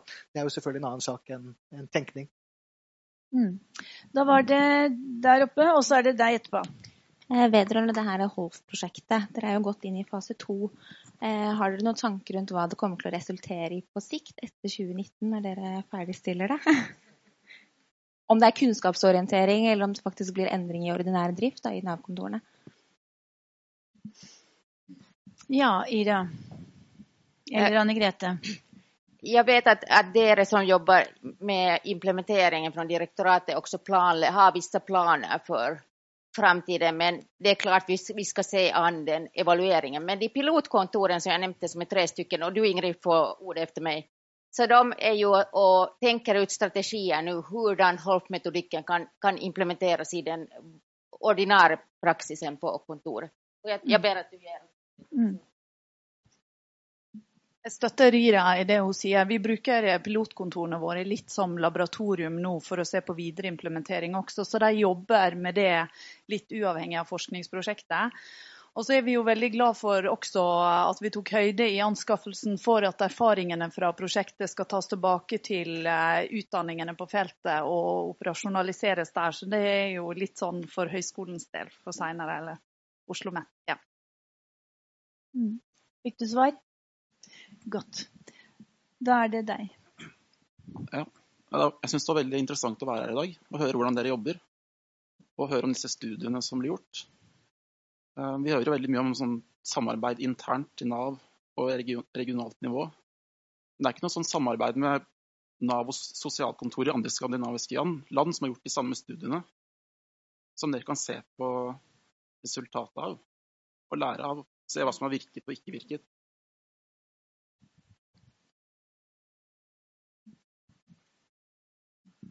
Takk. Jo, vi har eh, ganske mye samarbeid med andre nordiske land, eh, sånn bilateralt eller på nordisk nivå. Eh, og vi har også samarbeid med europeiske land. Så det tar ganske mye å måle hvordan vi jobber i Norge med hvordan de jobber i andre land, for å utveksle erfaringer, finne gode ideer.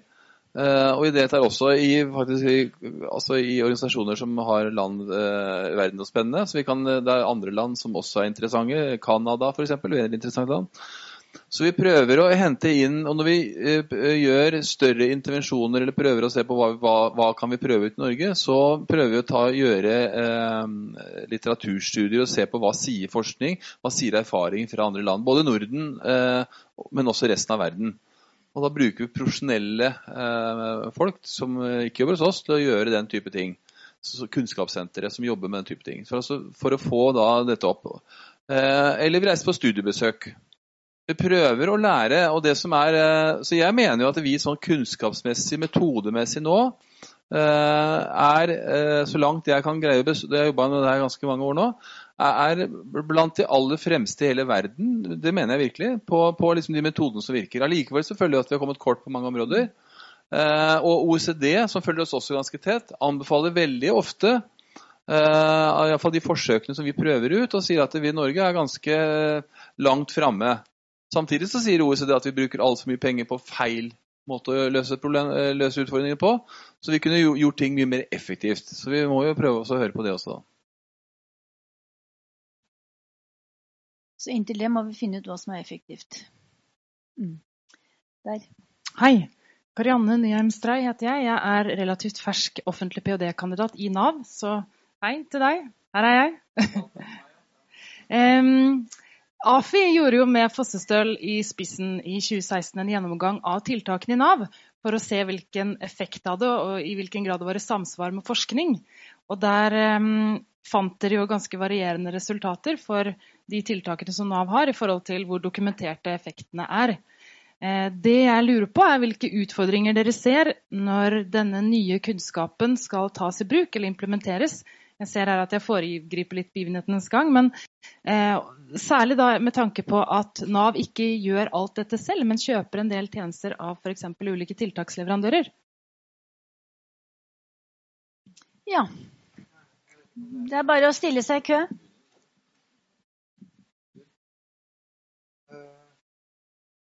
Nei, altså Det er jo mulig i forhold til kjøp av tjenester. Så er det jo mulig også å stille krav til de tjenestene som skal kjøpes.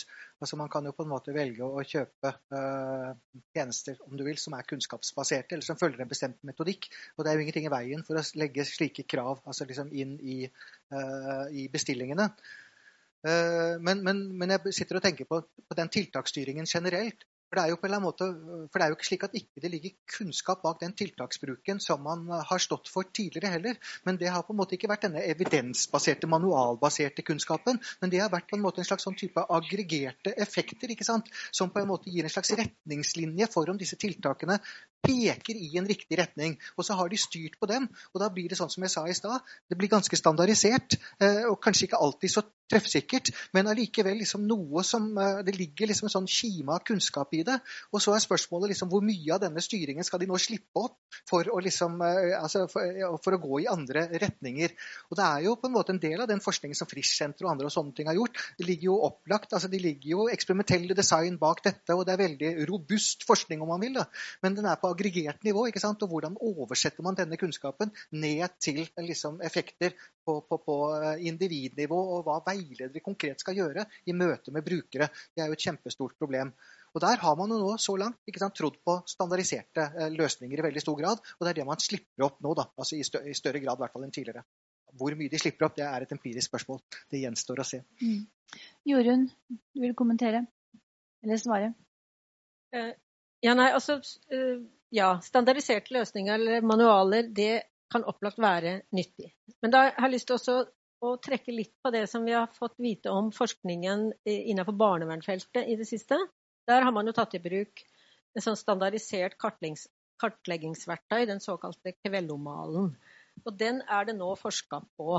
Og det som eh, de eh, sosialarbeiderne eller barnevernsarbeiderne sier, uttaler om dette, er jo at jo, dette er et veldig viktig, nyttig virkemiddel fordi det fratar oss litt av det veldig tyngende, kompliserte, skjønnsbaserte arbeidet som vi ellers må gjøre. Og det er jo altså, Vi må gjøre begge deler. Vi må liksom ikke si at standardiseringen skal frita de profesjonelle for eh, de vurderingene som hele tiden må følge med. Så, jeg, jeg, sier ikke det, jeg. Jeg bare nei, forteller om hvordan det tenkes. jeg, bare, jeg sier ikke at du sier det heller. Jeg bare understreker det inn i denne debatten. Mm. Mm. For det har vært tenkt sånn der. Du kan bare sende det videre. Altså, eh, vi har noen områder som vi har, mener jeg, eh, god kunnskap om hva som virker. Eh, og jeg nevnte noe av det i innlegget mitt. Eh, Innafor eh, support employment, spesielt innenfor arbeid-helseområdet, så vet vi at de modellene som er prøvd ut eh, i, i, ganske stor bredde i Norge, og som er prøvd ut mye internasjonalt altså Kunnskapssenterets oppsummeringer de er veldig strenge. De viser at de er dobbelt så effektive som, som, som, som annen type eh, tiltakssetting. Eh, og Da skulle man jo tro at når vi kom med de resultatene, så ville politikere og andre løpe og kjøpe. Det gjør de ikke uten videre. For da må du flytte på penger. Dvs. Si at det er noen som ikke får oppgaver fordi at du bruker penger på en annen måte. Og I denne sektoren så er det så mye eh, interessenter eh, og så mye profesjoner og sånt noe som sitter og holder igjen, at det å få snudd dette eh, Stortinget sitter aktivt og styrer tiltaksbruken fremdeles. Hvor stor andel vi skal bruke på ulike typer tiltak. Tiltak som eh, man er høyst usikkert om har den samme effekten som det vi vet virker. Så, det, eh, så vi jobber utrolig mye med å faktisk å ta den, det som virker, i bruk. Og finne gode mekanismer for det. Eh, og, og, og, Vi har ikke noen forutbestemte holdninger til hva som vil virke, men det, altså, vi ønsker å gjøre det som virker. Vi tror at hvis Nav som jeg begynte med, skal greie å levere bedre over tid, så må vi i større grad lytte til hva som virker. Noe av det er ganske definert eh, metoder. Andre er å bygge kompetanse eh, blant ansatte som er i stand til å utføre oppgavene sine. Den kombinasjonsløsningen er vi nødt til å lete etter, og vi er nødt til å bygge det sakte, men sikkert. Men det, det, hvis, vi, hvis, vi, hadde slutta å dytte på det greiene her hver eneste dag, så hadde det presset stoppa opp. Det er så mye motkrefter som egentlig Alle er for at du skal gjøre det som virker, men hvis du skal gjøre det i praksis, så, så vil det stoppe opp. Hver eneste dag må du skyve. Og det kommer til å måtte fortsette i mange år før dette her går av seg sjøl. En uh, ytterligere kommentar, Knut? Nei, for, for Hvis man skulle ha en bekymring liksom nå, eller som jeg i hvert fall sier thumbs up, da, i forhold til liksom det vi holder på med nå og denne, altså Dette behovet eh, er, tror jeg det er liksom ekstremt viktig at man tar alvorlig.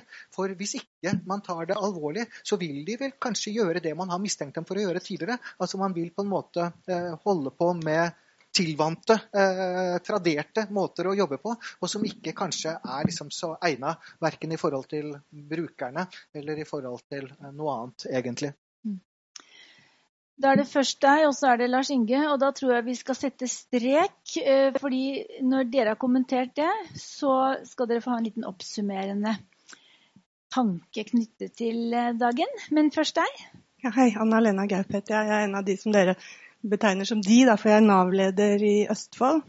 Og sånn sett så syns jeg det er veldig spennende dette her, da, så det er derfor jeg kommer hit. Men jeg vil først si det som Yngvar sier om at um, vi ønsker jo å gjøre mye selv, men det er jo viktig å huske på at det er Stortinget som bestemmer all den tiltaksbruken.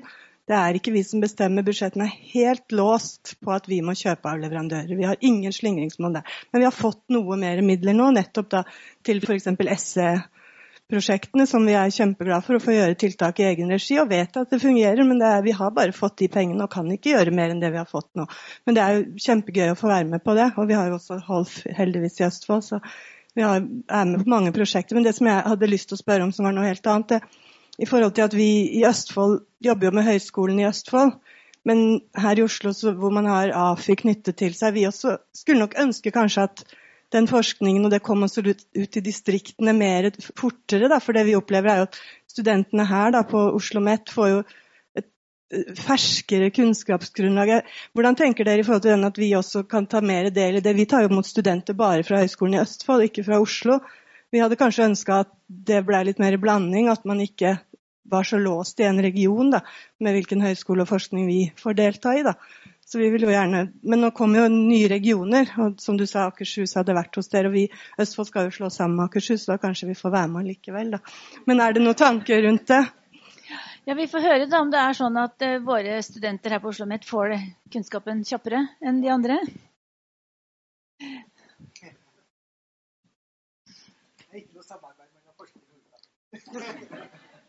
Altså, kan man si som, sånn som vi har tenkt for vår del, så har vi sagt at eh, hvert fylke bør eh, ha et samarbeid med sin lokale høyskole, så lenge iallfall den eh, leverer og er interessert i samarbeid på en god måte. Det tror vi. Vi er så langstrakt og vi har så mange store behov at det, det er lurt. Så har vi inngått noen hovedsamarbeidsavtaler, og når det gjelder eh, si, inkluderingskompetanse, så er det med Oslo Met nå, da. Eh, med, med, det miljøet som fins, og, og, og det kompetansesenteret KAI. Eh, og det, det, er et nasjonal satsing fra vår side. Men det er meningen at den kompetansen og den kunnskapen som bygges opp der, skal, skal ingen måte være eh, noe som eh, Oslo Met alene skal sitte og, og, ruge på og nyte godt av alene. Det er ikke noe eiendomsrett til den kunnskapen. Derfor så har vi også nettverk for arbeidsinkludering som driftes av eh, folk herfra, blant annet. Eh, som nettopp skal spre da dette. Er ikke, Norge er ikke større enn at vi trenger mange miljøer. Og jeg mener jo at Østfold eh, har, vært et foregangsfylke når det gjelder å bygge opp eh, kompetanse på den, disse metodene. Eh, bruke penger på å utdanne egne ansatte. Og tatt masse, masse gode initiativer. Så, at, så, så, jeg tror dere ligger ganske godt an i løypa sammenligna med mange andre. Uh, og så må vi prøve å lage nettverk på tvers. Uh, og, vi oppfordrer også at uh, skolene også kan jobbe på tvers. Jeg tror det kan være veldig lurt. Igjen, altså Hvis Nav trenger et akademisk omland, så trenger også Oslo Met kolleger og et omland som de kan jobbe sammen med. Større er vi ikke. Flere kommentarer på Nei? Lars Inge, da er det din tur. Og... Jeg bare helt kort vi forskere vi gikk av å være litt bekymra. Derfor så skvatt jeg til når, når, når, kunnskapsdirektøren sa at vi kanskje er blant de fremste i verden på, på, dette, på dette, dette, feltet. Og så ble jeg sittende og tenke på ja, hvis det er riktig, hvorfor, hvorfor er det Hva er de kritiske betingelsene som gjør at det kan være riktig? Og Da tror jeg det er to faktorer som kan, som, som kan være viktige. Den første det er knytta til spørsmålet hvor mye blir outsourca av aktiviseringsoppdragene. Drar du til England, så, så blir det omtrent alt outsourca. Det betyr at det er ingen i tilsvarende Nav eller, så, som er opptatt av hva som gjøres, og kompetansespørsmål, og hvem som gjør og hva. Alt er markedsstyrt. Så at, at Den første betingelsen det er at at Nav at du, at du, på en måte gjør en del av disse oppgavene sjøl, og at du står til ansvar for det du, det du gjør. Ikke, så, så, Sånn sett er den strategien med å prøve å løfte oppgaver til, tilbake, det kan nettopp være en måte å også heve kompetansen på, på, på dette feltet. Men den er jo politisk eh, Det er jo helt oppsiktsvekkende at man får det til med en regjering som normalt vil tenke i motsatt retning. Men, men det, det, er en, en sånn det andre er jo at man har etablert Nav. Altså Det er jo ikke så veldig mange i Europa som har etablert denne type konstruksjoner. Eh, og Det er også sannsynligvis en kritisk betingelse for at man, man får til dette. At man har samla disse, disse. Så, så, så, strategien med å løfte oppgaver tilbake, selv om det er kommentere. Men, jeg, men, det jeg sitter og tenker på, det er jo at sant, meningen er jo nå sant, at direktoratet skal flytte ressurser ned til regionene, så, og regionene skal flytte liksom, ressurser ned til lokalkontorene. For det er der verdiene skapes. Men i forhold til et sånt spørsmål om denne kunnskapsmessige infrastrukturen, så er det jo et spørsmål om hvor, liksom, man, på hvilket nivå man liksom, best lager en slik kunnskapsmessig infrastruktur. og hvilken liksom Hvorfor vi lykkes eller ikke ikke lykkes, og i hvilken grad vi lykkes. Eh, Knut sa har, eh, har vi, er, representerer Nav et, et eh, fantastisk handlingsrom, eller har, har, har, de fått en for vanskelig oppgave? Altså det er vel Jeg vil si begge deler. Altså det er jo fordi at vi har jo veldig høye målsettinger i, i Norge, sånn rent sosialpolitisk, og vi har en veldig stor del av befolkningen i Norge yrkesaktivt arbeid, selv om vi er bekymra for at vi har for få. Men, men sammenligna med mange andre land, så har vi jo det. Det gir jo også Nav noen helt spesielle utfordringer som vi heller ikke må glemme, og som ikke bare handler om hva slags metoder er det vi kan utvikle for å få dette til. Det, det er viktig å huske på vi, når vi begynner å sammenligne oss med andre mm. land. Mm. Erik? Ja, eh, nei, altså Bare en, en, kommentar. Eh, jeg vet ikke helt hvordan det, det, passer inn. Men i hvert fall mitt og vårt inntrykk, til, som, er, som, er, en del ute på lokalkontorer og driver som praksisnær forskning eh, de siste årene, er jo at det er Altså at de uh, Frontlinjearbeiderne eller veilederne er jo mye mer opptatt av uh, forskning. Og jeg føler også at de, er mer vant til å kanskje etterspørre en del tettere forskning sammen med dem. Da. Som det ble nevnt her også i sted. Forske, med og ikke så mye på. Uh, og vi har jo også forskningsprosjekter på AFU som, som, som, som studerer lokal innovasjon sammen med sammen med lokalkontorer.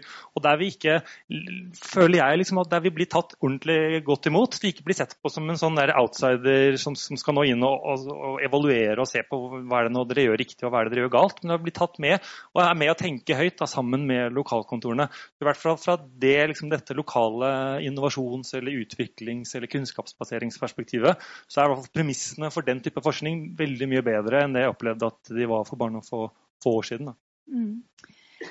Eh, vi satte strek i sted, men hvis du har et veldig kort spørsmål som ikke krever fordi at vi skal begynne å lande her Ja. Et øyeblikk, så får du en mikrofon, så hører vi deg. Ja, Vi snakket om det å lykkes og ikke lykkes. At jeg har skjønt at det er Stortinget som sitter på økonomien her. Men det har kanskje vært en idé å vise de som sitter med økonomien på Stortinget, statistikk på hva som virker og ikke virker. For da kan de sett på hva som pengene trengs å gis til. Da. Det er jo Hvis ikke det allerede gjøres. Mm. ja. Prøv, de prøver, eller vi prøver, alt ettersom. Eh, da skal jeg be dere komme med en liten oppsummerende kommentar hver eh, for dere. Eh, og det er maks to minutter på hver. Så vi kan starte med Knut, f.eks. Ja, altså, for det første så syns jeg at denne diskusjonen uh, som vi har her nå, den er viktig. Og ikke minst så syns jeg den diskusjonen altså, mellom uh, disse kunnskapssynene, at den er ekstremt viktig. Mm. Og den er jo veldig krevende å få til selv innenfor et uh, universitet, som vi er blitt nå. Mm. Eh, ikke sant? Å få til en god kommunikasjon mellom forskere og ulike forskningssyn og utdanningene og disse tingene som utdanner praktikerne og disse tingene her. Og det å skape liksom et, en, et klima som gjør det mulig å diskutere disse tingene på saklige måter, det er kjempeviktig og kommer til å være viktig framover også. Og så bare tenkte jeg på én ting til også. At i gamle dager så sa disse kommunene, ikke sant, at, eh, nei, sa kommuneforskerne at kommunene var eh, velferdslaboratoriet. Det var der de nye løsningene, innovative løsningene ble utviklet. Og så implementerte staten dem seinere på en eller annen måte. Og så etter hvert så har eh, kommunene mistet den rollen, og staten har forsøkt å, å, å gjøre dette selv. Men det på en eller annen måte som om liksom at Nav blir, og dette partnerskapet blir et slags sånn laboratorium altså for, for, nye eh, løsninger. Og Det er jo en veldig spennende tanke, og det er en tanke som ligger ekstremt langt unna et syn på Nav som en sånn New Public Management-organisasjon, eller som et sånn tradisjonelt eh, liksom, hierarkisk styrt, eh, styrt organisasjon.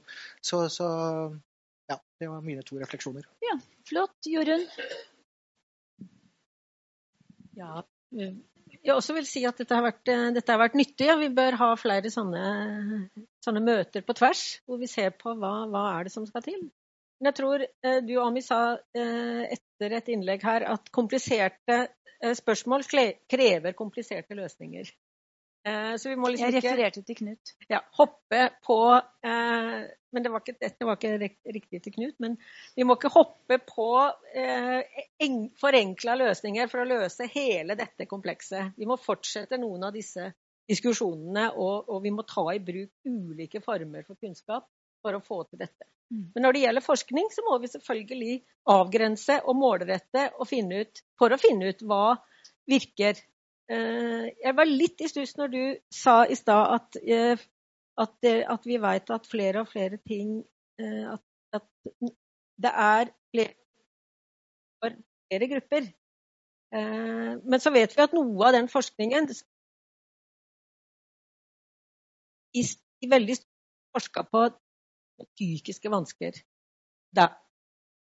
Eller er jeg ikke orientert? Mm. Men jeg var i grunnen ferdig.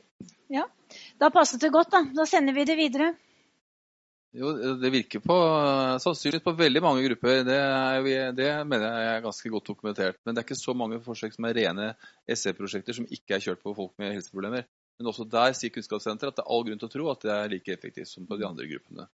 Eh, min kommentar er egentlig at uh, dette er forbaska vanskelig. Mm. Det er nesten, dette er hvis man, eh, man altså Det er ekstremsport å få til, men det er ingen valg. Eh, vi har gjort mange riktige ting, tror jeg.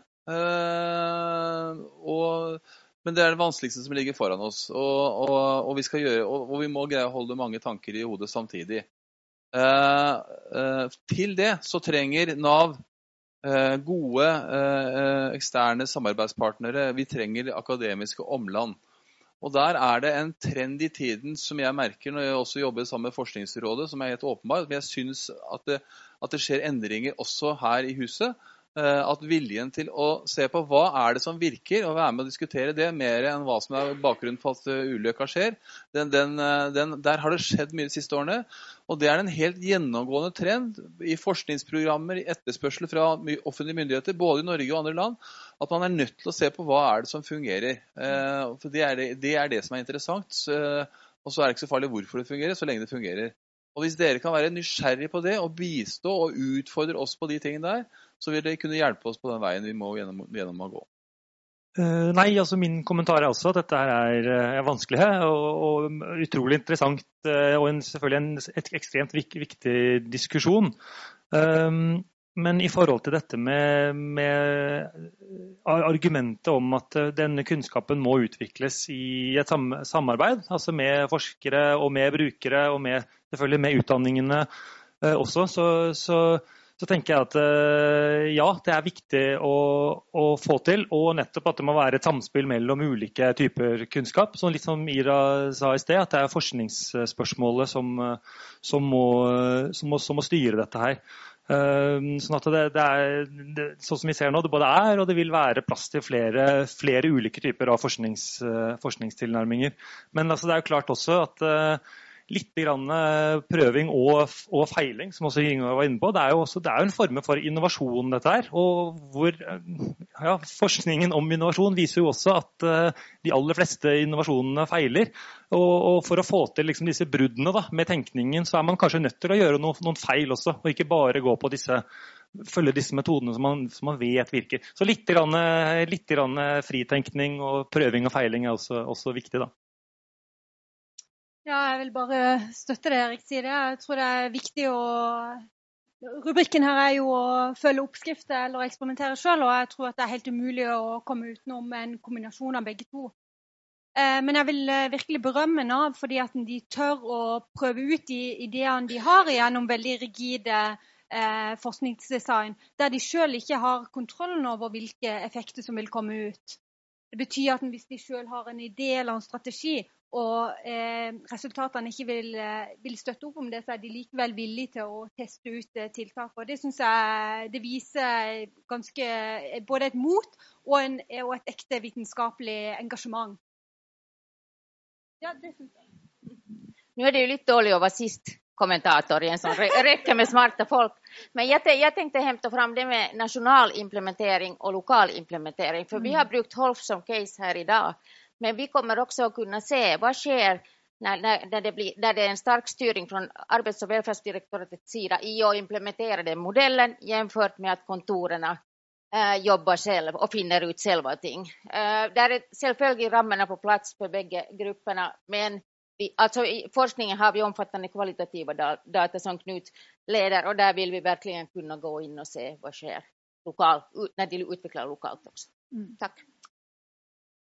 Og bare for å avslutte i forhold til det, så vil vi fortsatt kunne og ville diskutere om vi skal følge oppskrifter, eller om vi skal kunne eksperimentere selv. Og jeg syns at eh, konklusjonen på denne runden, eh, oppsummeringen, er vel at er, vi trenger begge deler. Eh, og vi trenger ulike metoder, og vi trenger ulike mål. Eh, og at eh, vi er, selv om vi, Yngvar, er best i verden, kanskje i verdensrommet, så kommer vi til å fortsette å diskutere disse tingene både én og mange ganger. Og takk for veldig nyttige og morsomme innspill, eh, innlegg, eh, kommentarer, og for at dere engasjerte dere i å stille spørsmål og være med og, og kommentere her. Og takk for at dere kom, og ha en fin ettermiddag. Og så ses vi om snart. Takk til alle.